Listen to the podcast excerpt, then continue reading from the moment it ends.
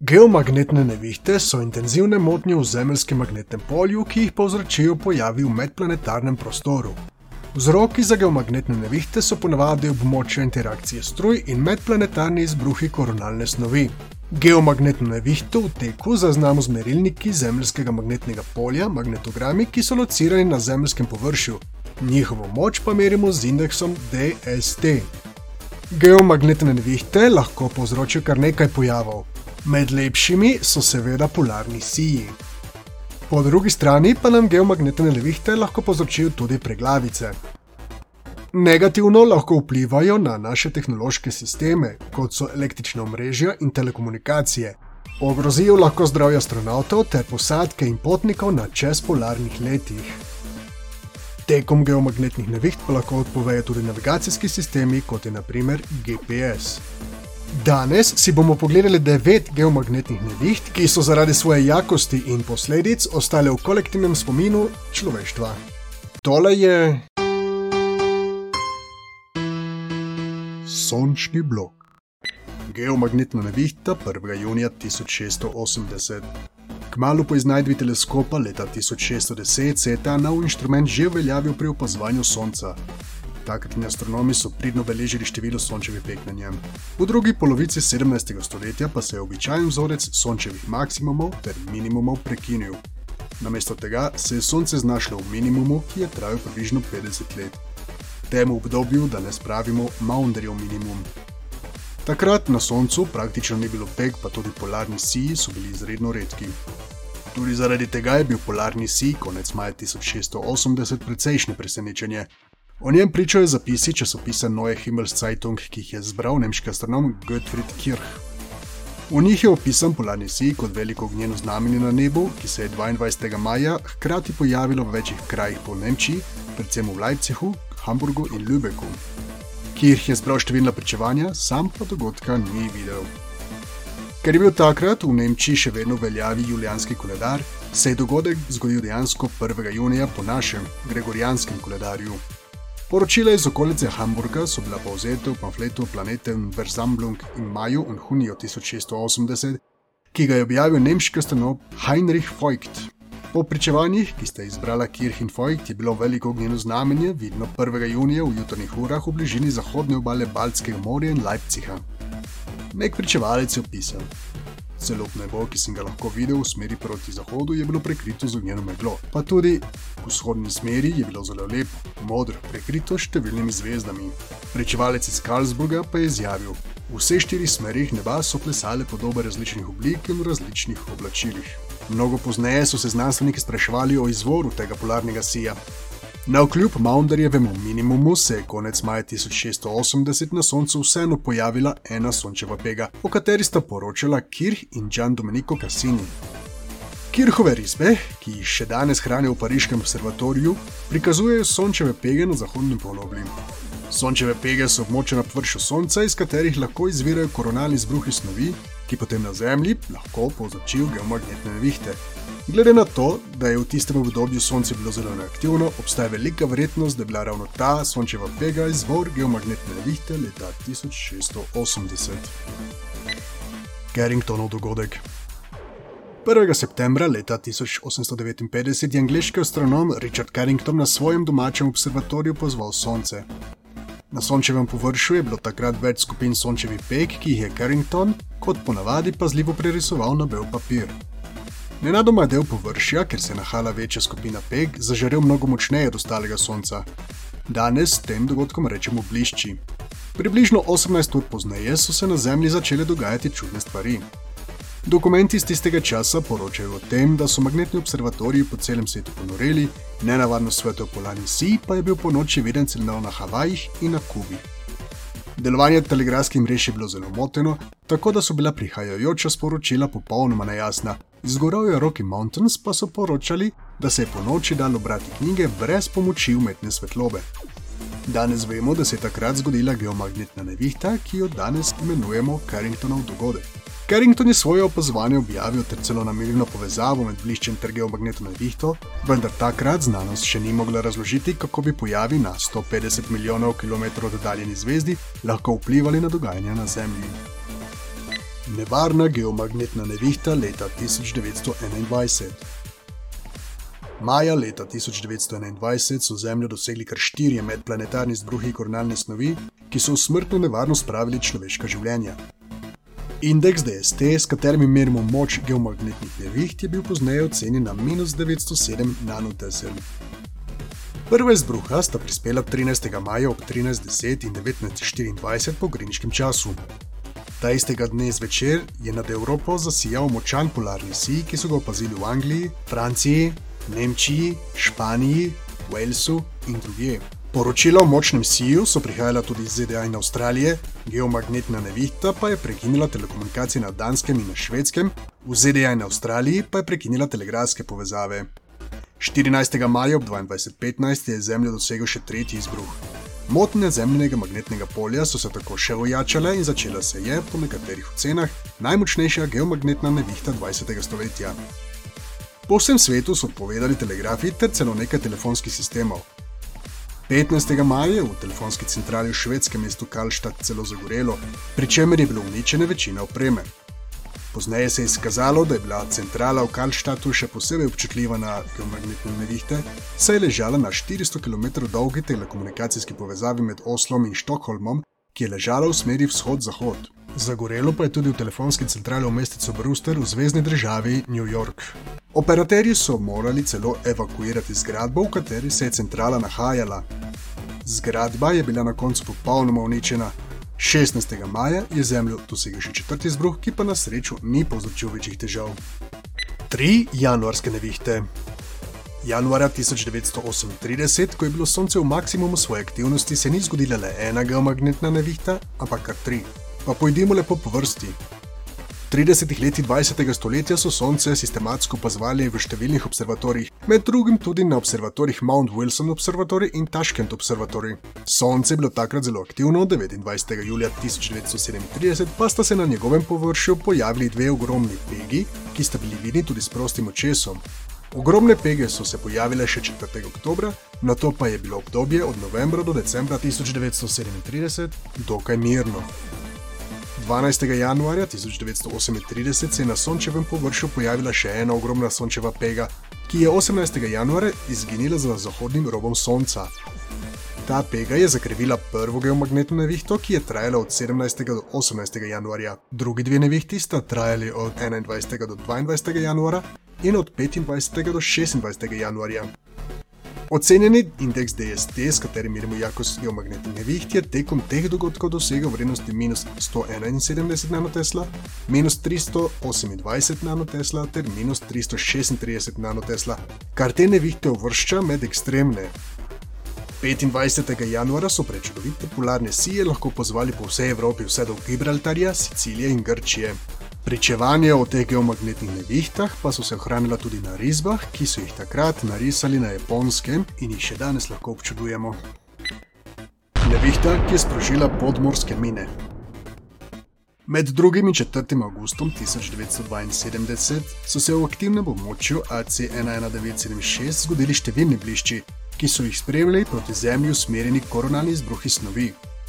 Prva izbruha sta povzročila geomagnetne nevihti, a bolj kot to je pomembno dejstvo, da sta počistila prostor med Zemljo in Soncem, s čimer sta omogočila neovirano potovanje izbruha koronalne snovi, ki je svoje potovanje pričel 4. augusta ter je Zemljo dosegel v rekordno kratkem času, v manj kot 15 urah. Blišč, ki se je zgodil hkrati s tem dogodkom, je bil pozneje klasificiran kot X20, kar ga uvršča med najmočnejše v znani zgodovini. 4. augusta ob 20:54 UT je nad severom ZDA zasijal svetel polarni sij. Magnetometer v Boulderju v zvezdni državi Colorado je ponorel, močne motnje zemljnega magnetnega polja pa so izmerili v Južni Indiji ter na Havajih. Na južni obali Združenega kraljestva je polarni sij zasijal tako močno, da so se pojavile sence. Videli pa so ga tudi piloti na komercialnem letu v bližini mesta Bilbao v Španiji. Izbruh je na strani, ki je obrnjena proti Soncu, do dobra potlačil zemljino magnetno polje. Slednje tvori okoli Zemlje nekakšno votlino, ki jo rečemo magnetosfera. V njo sončev veter le stežka prodre. Mejni plasti magnetosfere pravimo magnetopauza in je na dnevni strani od Zemlje oddaljena povprečno 10 zemljnih polmerov. 4. augusta 1972 se je ta razdalja zmanjšala na vsega 5,2 zemljina polmera. Geomagnetna nevihta je povzročila kar nekaj težav. Širom ZDA in Kanade so se zgodili manjši izpadi električne energije ter telegrafskega kabla L4 American Telephone and Telegraph, ki je povezoval zvezdne državi Illinois in Iowa. Geomagnetna nevihta pa je povzročila še en dogodek, ki je edinstven. Leta 1972 so bile ZDA že sedem let upletene v vietnamsko vojno. Svetovalci so takratnega ameriškega predsednika Richarda Nixona prepričali, da je treba morje ob obali severnega Vietnama posejati z minami. Ta operacija se je začela 9. maja 1972 v bližini mesta Haiphong. Skupaj je bilo tekom 8 mesecev v bližini strateških mest položenih preko 11 tisoč min. Nekatere od teh min so bile take, da so jih detonirane spremembe magnetnega polja, ki jih ponavadi povzročajo vojne ladje. Sprožile so se takrat, ko je magnituda motnje presegla določen prak.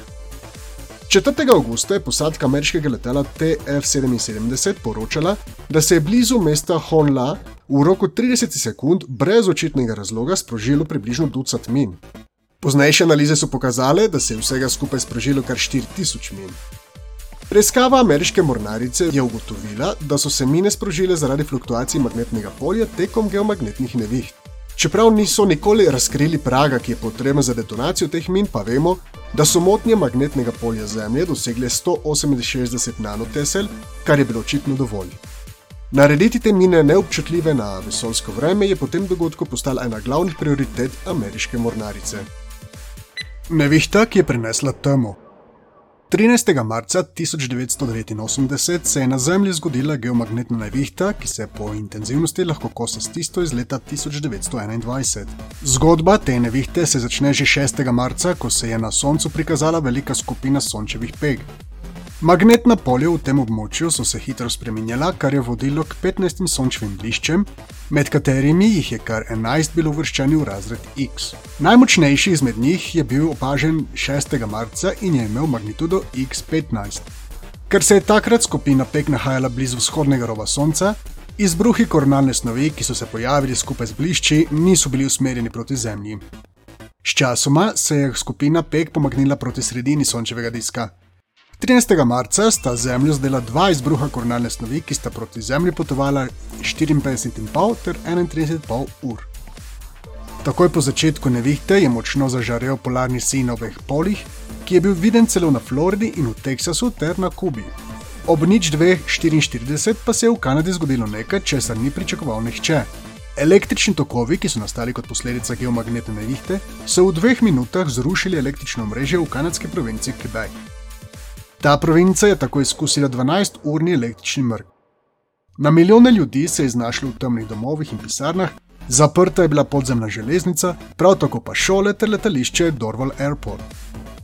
V Evropi so imeli težave v Združenem kraljestvu in na švedskem, predvsem v obliki kratkotrajnejših izpadov električne energije. Več vesoljskih satelitov je prav tako izkusilo težave, med drugim tudi nas in telekomunikacijski satelit TDRS-1. Indeks DST, s katerim od leta 1957 merimo jakost geomagnetnih neviht, je dosegel vrednost minus 589 nanotesla, kar je še danes rekordno izmerjena vrednost. Nenavadna nevihta. Naslednji dogodek se je zgodil januarja 1994, ko se je sončev cikel že približeval svojemu minimumu leta 1996. Takrat je bilo sonce mirno, na njem ni bilo večjih pek, pa tudi bliščevne.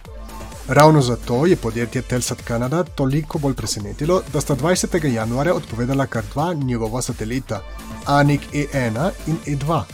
Ta dogodek je močno odmeval v Kanadi, saj je zaradi odpovedi satelitov bil moten prenos televizijskega signala in računalniških podatkov po vsej Kanadi, prav tako pa so bile prekinjene telefonske povezave z oddaljenimi območji na severu države.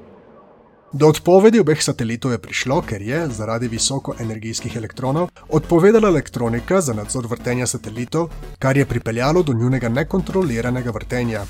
Sčasoma je bil vzpostavljen nadzor nad satelitom Anik E1, ki je bil vreden 281,2 milijona kanadskih dolarjev, ne pa tudi nad satelitom E2, katerega vrednost je bila 290,5 milijona kanadskih dolarjev.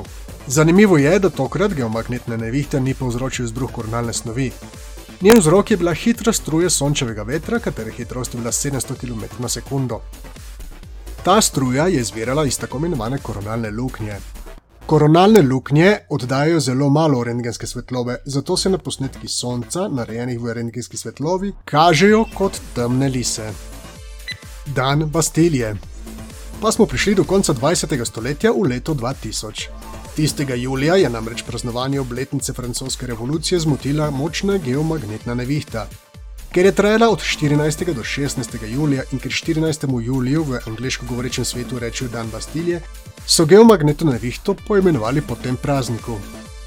Na Soncu je izbruh koronalne snovi, ki je pozneje povzročil omenjeno geomagnetno nevihto, pospremil močan sončev blišč 14. julija.